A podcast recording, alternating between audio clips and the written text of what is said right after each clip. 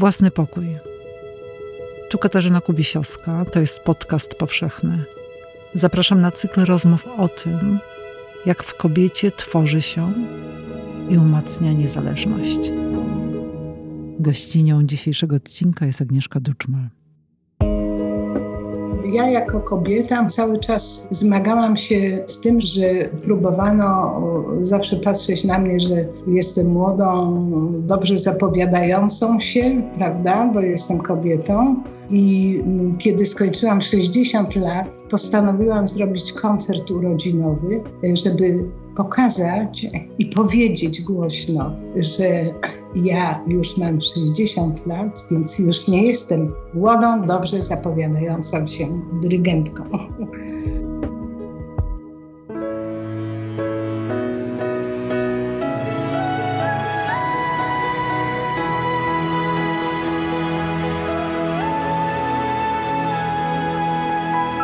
Podcast powszechny.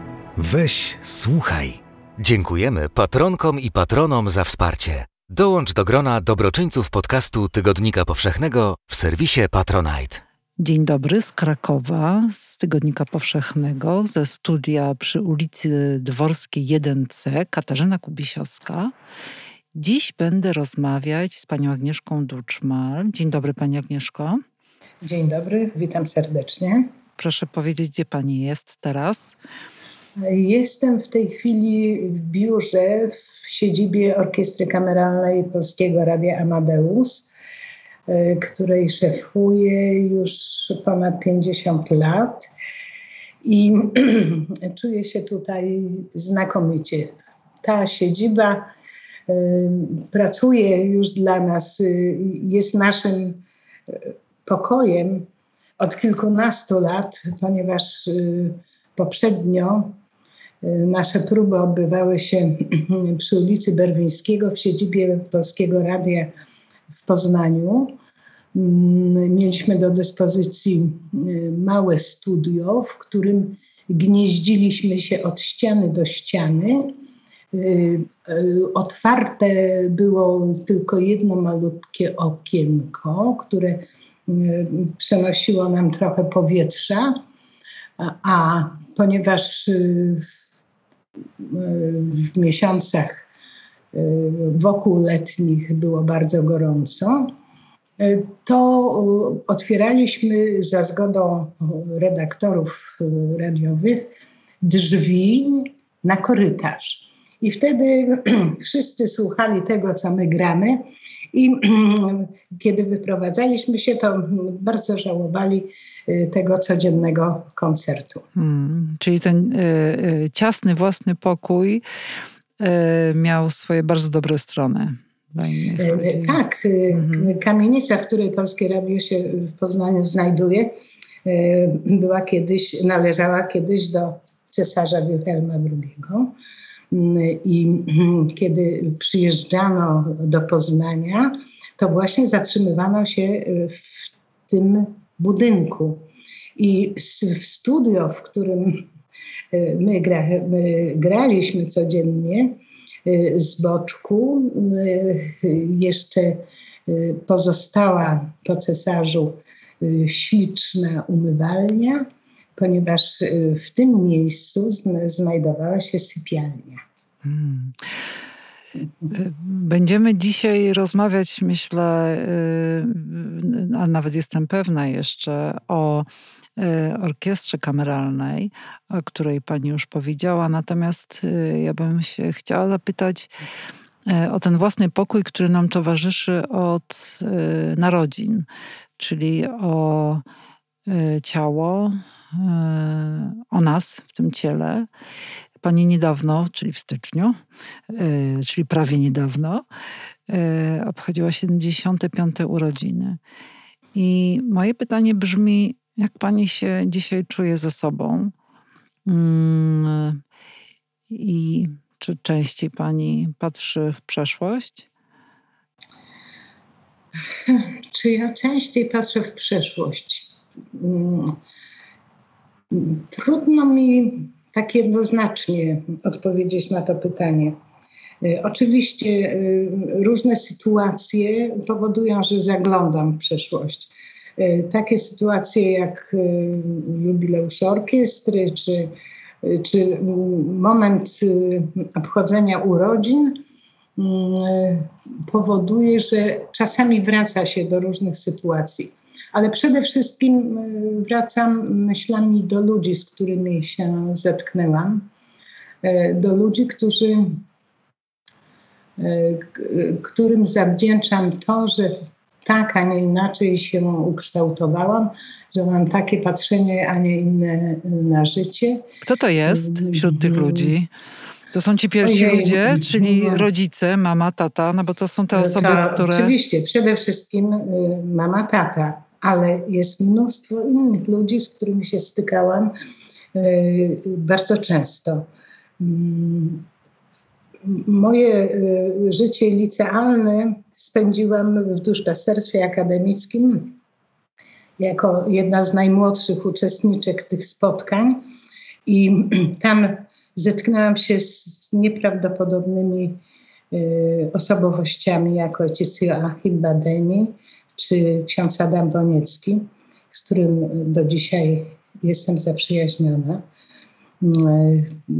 Zetknęłam się y, z ludźmi, z którymi mm, od czasu do czasu stykałam się potem, ale którzy zostali może trochę z boku mojego życia, z racji mojego życia zawodowego. Mm, ale to, co przeżyłam z nimi, y, wszystkie mm, spotkania tu na miejscu, e, wyprawy w góry, wyprawy e, na jeziora, na narty, na wycieczki górskie.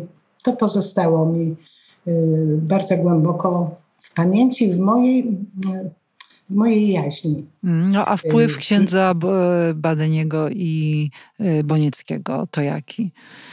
Co szczególnie oni pani dali? Otwarli Patrzenie, panią na tak, jakieś to, nowe, nowe perspektywy?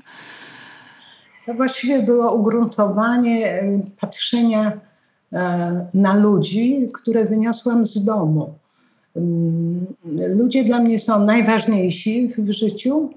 E, są mm, w pewnym sensie mm, przyjaciółmi, i y, każdego, kogo spotykam, obdarzam zawsze y, takim kredytem y, zaufania, co nie zawsze zdaje egzamin oczywiście, ale moja, mimo mm, tego, że ja nie jestem łatwa w nawiązywaniu kontaktów, w otwieraniu się, to jednak daje możliwość zaprzyjaźnienia się i i kontaktu drugiemu człowiekowi.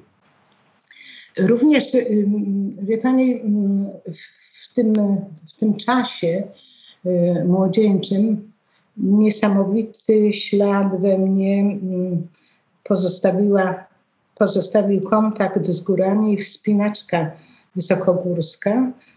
Y, I od dziecka zresztą chodziłam po górach, w, którą, w, w które wprowadzili mnie moi rodzice. Y, a tak naprawdę świadomie zaczęłam po nich chodzić y, w roku, w lecie, kiedy zginął Wawrzyniec Żuławski, którego książeczkę z, opowiadami, z opowiadaniami o górach i, i wyprawach otrzymałam od ojca, jadąc w pociągu y, do Zakopanego. I chwilę potem dotarła do nas wiadomość o śmierci mm, Wawy Żuławskiego. I stąd, mm, stąd y, y, jego motto do książki, którą napisał, że nie zostawia się przyjaciela nawet wtedy, kiedy jest zmarzniętą bryłą, towarzyszyło, towarzyszyło mi przez całe życie. I myślę, że, że y, ta otwartość y, na, e, na innych ludzi y, została również spowodowana tym, tym motem. Mm. Czyli góry to też jest Pani własny pokój? O tak, to bardzo, bardzo ważny pokój. I właściwie do tego pokoju zaglądam co jakiś czas.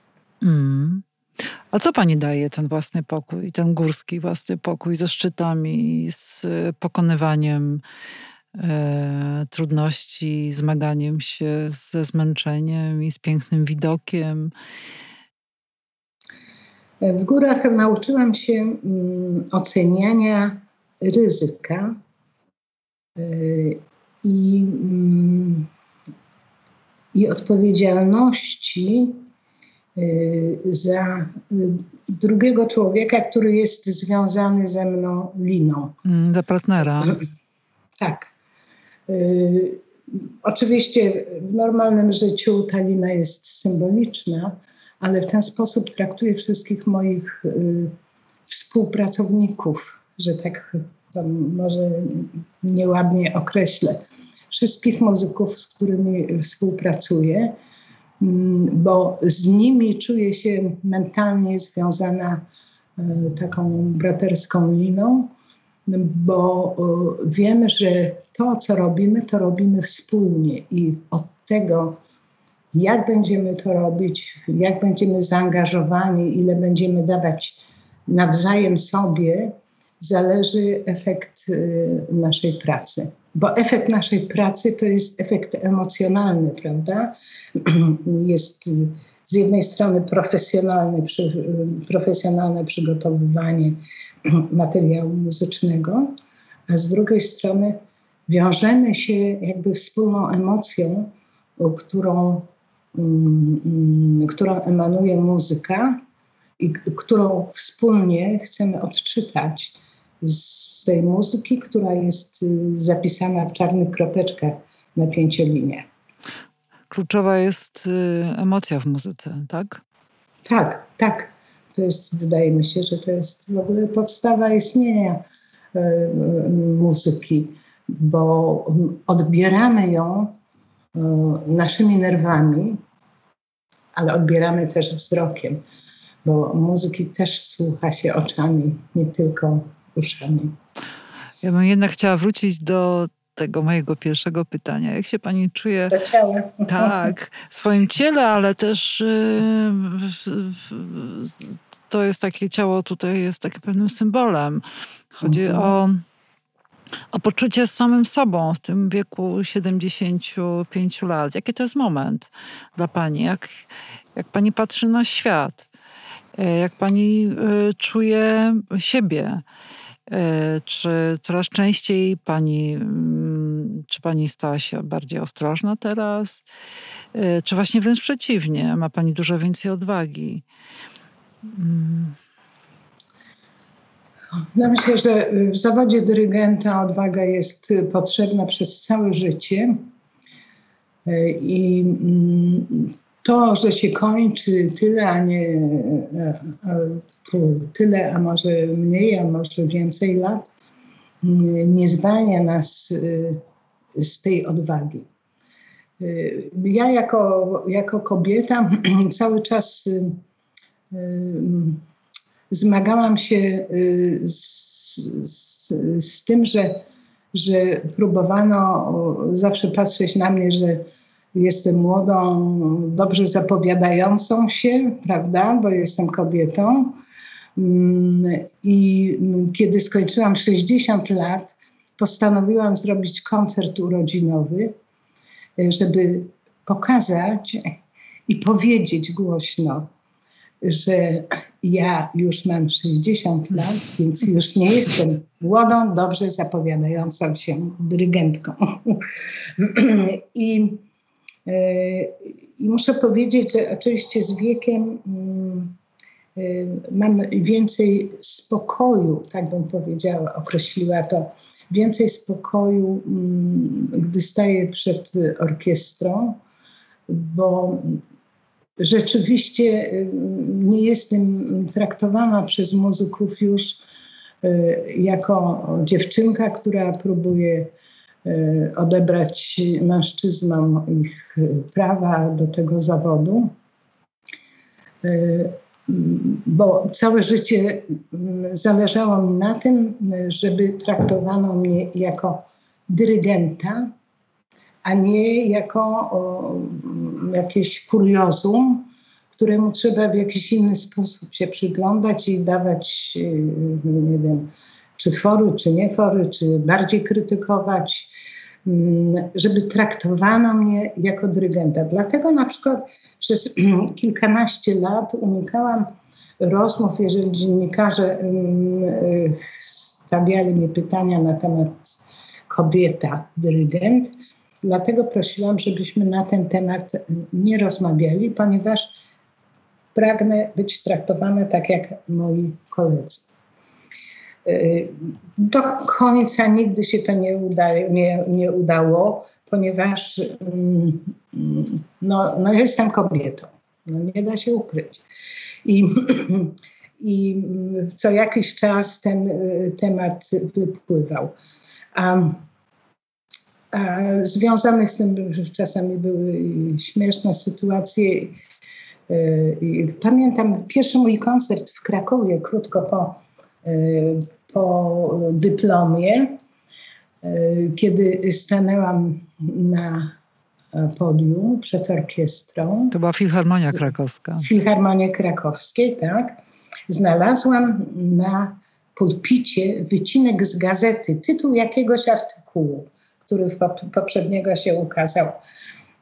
A brzmiał on Nie skacz dziewczyno za wysoko. I teraz stoję przed tą orkiestrą, jestem smarkaczem dyrygenckim. I co, jak mam, wiem, że moja, od mojej reakcji będzie zależało to, jak przebiegnie tydzień pracy.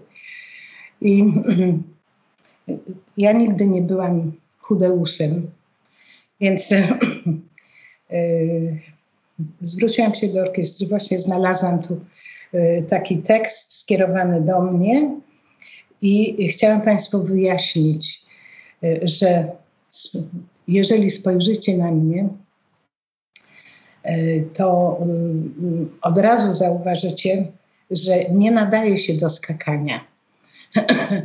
Ale za to wspinam się po górach od lat.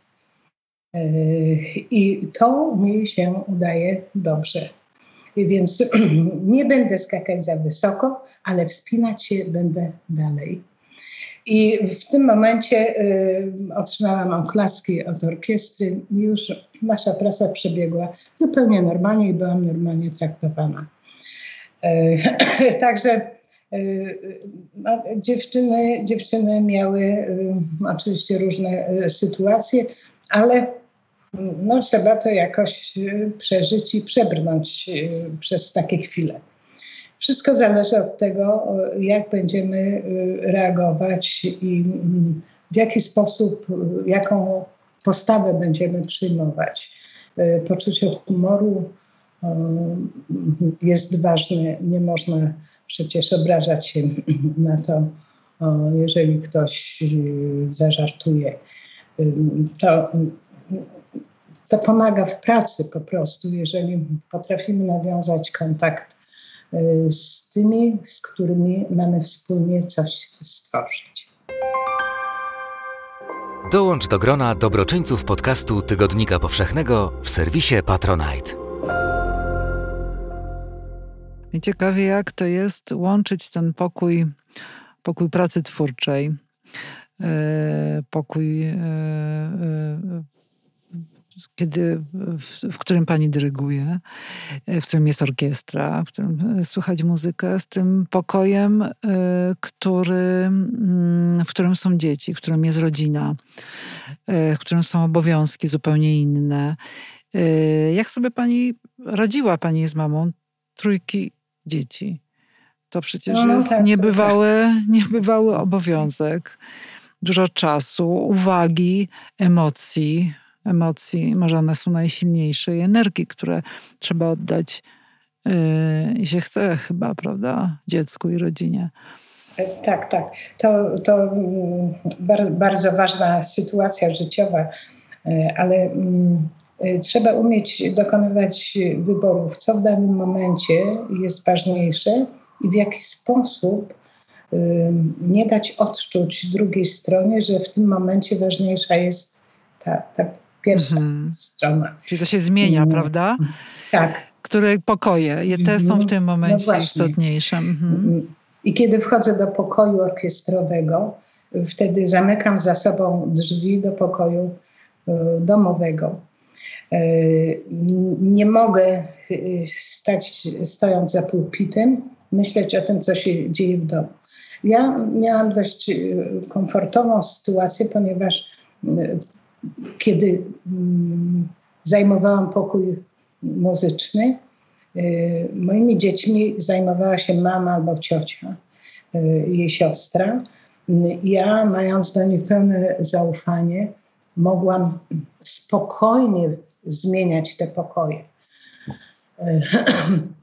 Ale mm, kiedy, kiedy wracałam do domu, e, wtedy mm, mój pokój muzyczny trochę się przymykał. Przymykałam do niego drzwi, zajmowałam się dziećmi i y, mm, kiedy, kiedy poupychałam je do łóżek, kiedy przeczytałam książki im, kiedy opowiedziałam bajki, zaśpiewałam jakieś piosenki, wtedy otwierałam z powrotem pokój muzyczny i mm, siadałam do partytur. E, dzięki temu stałam się stuprocentową sową, mm, bo te godziny mm, muzyczne to były godziny nocne. Ale poza tym, y, poza tym ja całe życie miałam dosyć dużą podzielność uwagi i tak naprawdę potrafiłam dwie rzeczy robić, czasami trzy jednocześnie. Mm, I to mi pomagało w życiu, pomagało mi y, w włączeniu tych wszystkich sznureczków Y, które musiałam powiązać y, w całość. Mhm. Pani wcześniej powiedziała o czymś bardzo ważnym, że by wykonywać ten zawód y, dyrygenta potrzebna jest odwaga. E, myślę, że odwaga się bierze z nas, po prostu, z naszej konstrukcji takiej psychicznej, mentalnej ale też y, może się wziąć z tego, że patrzymy na odwagę innych ludzi, ważnych ludzi w naszym życiu. Czy ta odwaga była po prostu w pani domu? Y, tata, mama, może babcia, może odważne kobiety, może ktoś taki odważny, kto pani imponował, kto, na kogo chętnie pani patrzyła, na tę odwagę w tym człowieku? E, Mówiąc prawdę, y, każdy z moich rodziców y, miało swoistą odwagę i, i każdego z nich podziwiałam zupełnie z innych powodów chyba. Mój ojciec był fantastycznym organizatorem. Był muzykiem, który odczuwał wspaniale muzykę. E, który, e, a jednocześnie, tak jak powiedziałam, potrafił organizować e, życie instytucji artystycznej. A z, dru z drugiej strony, kiedy już zorganizował w jednej instytucji dobrą pracę, to stwierdzał, że właściwie to już nie ma tutaj co robić, musiałby co innego teraz, zabrać się za coś innego i, mm, i zmienić miejsce. E, troszkę może był e, takim niespokojnym duchem, miał fantastyczne poczucie humoru, był kopalnią dosłownie anegdot przeróżnych.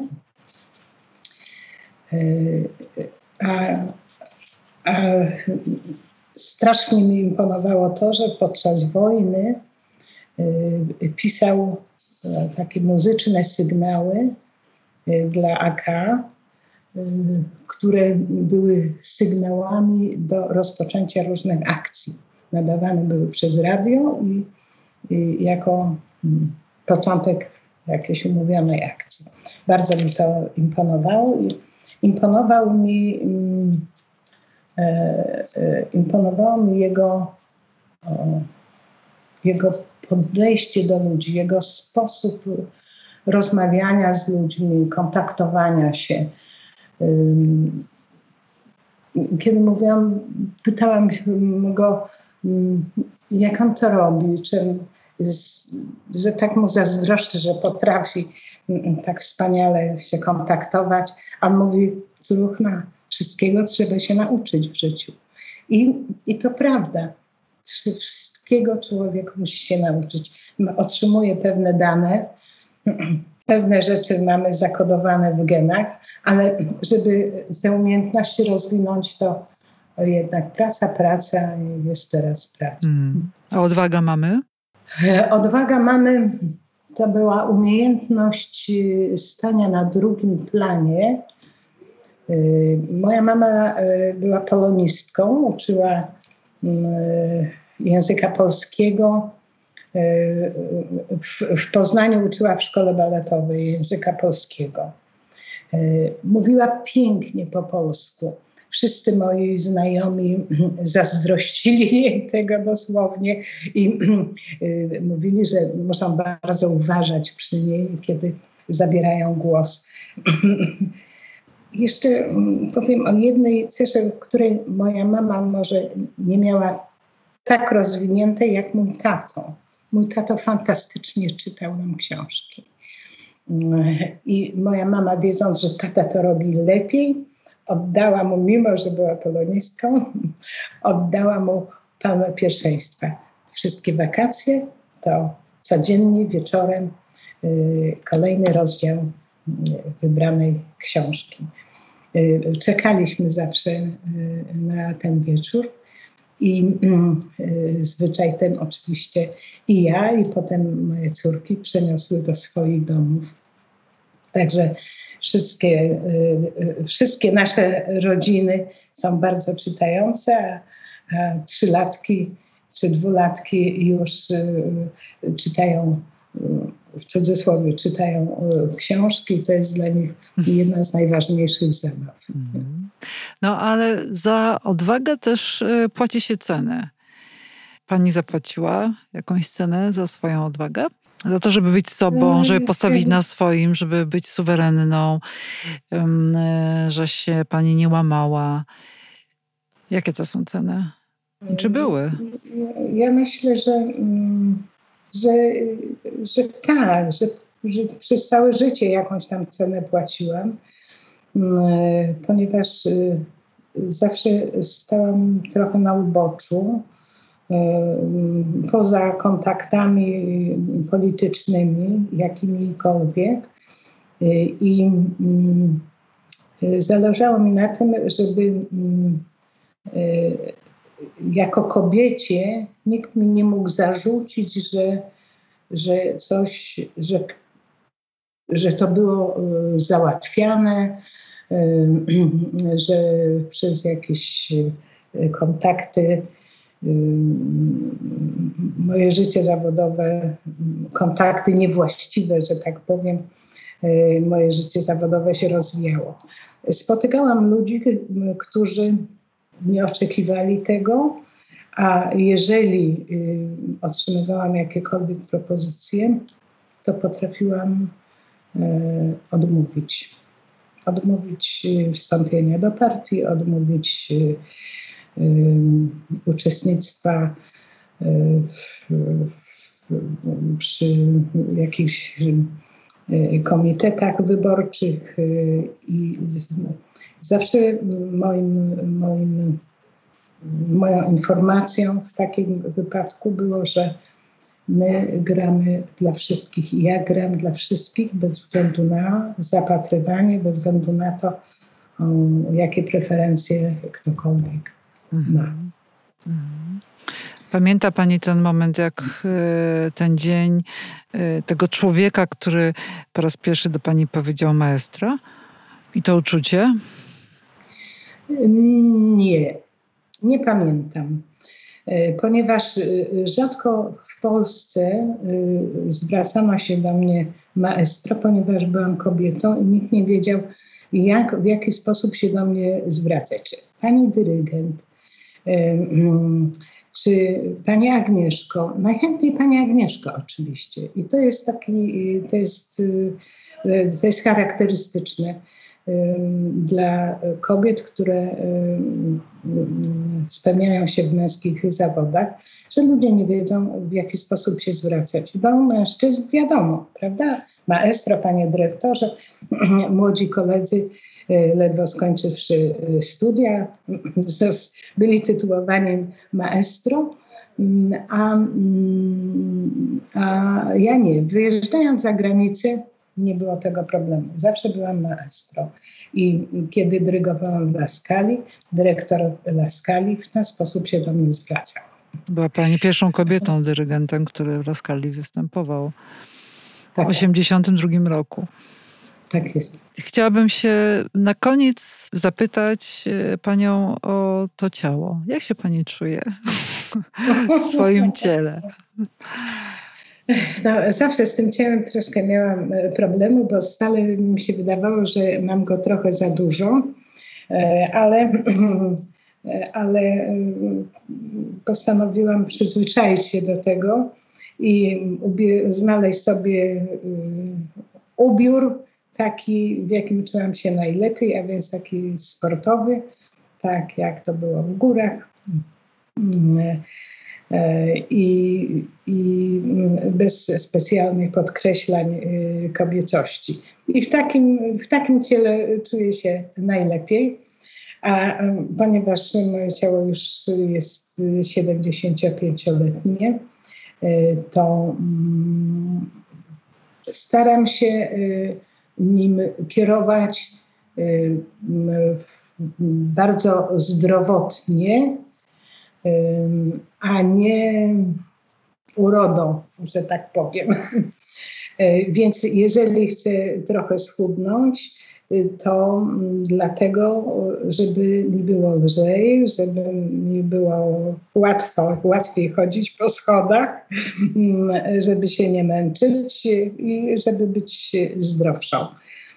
Uważam, że, że tyle, ile będzie mi pisane, tyle będę żyła i jestem wdzięczna za każdy dzień życia, za to, co mnie spotyka w tym życiu. E, jestem wdzięczna ludziom za sympatię, bo na każdym kroku ją odczuwam i to jest wspaniałe. A mm, ci, którzy nie są mi mm, życzliwi,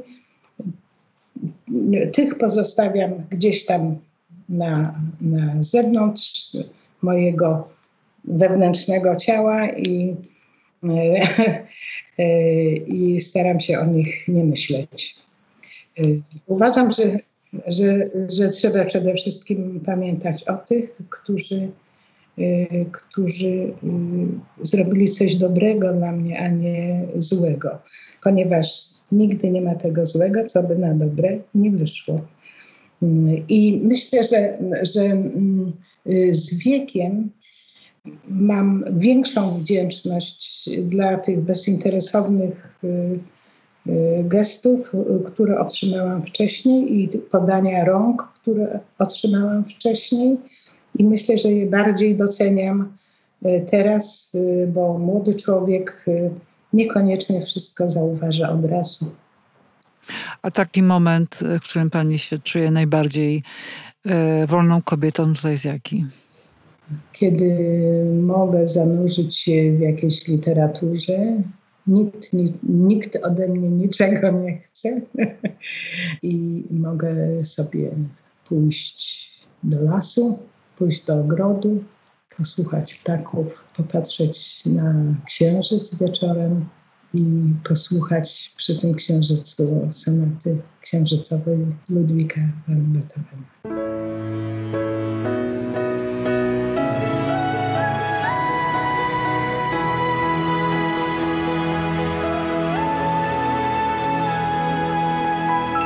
Podcast powszechny. Weź, słuchaj. Jeśli słuchają nas Państwo w Spotify albo w Apple Podcast, zasubskrybujcie nasz kanał. Jesteśmy też w Google Podcast i w aplikacji Lekton oraz na www.tygodnikpowszechny.pl/podcast. Dziękujemy patronkom i patronom za wsparcie. Współwydawcą podcastu powszechnego jest Fundacja Tygodnika Powszechnego.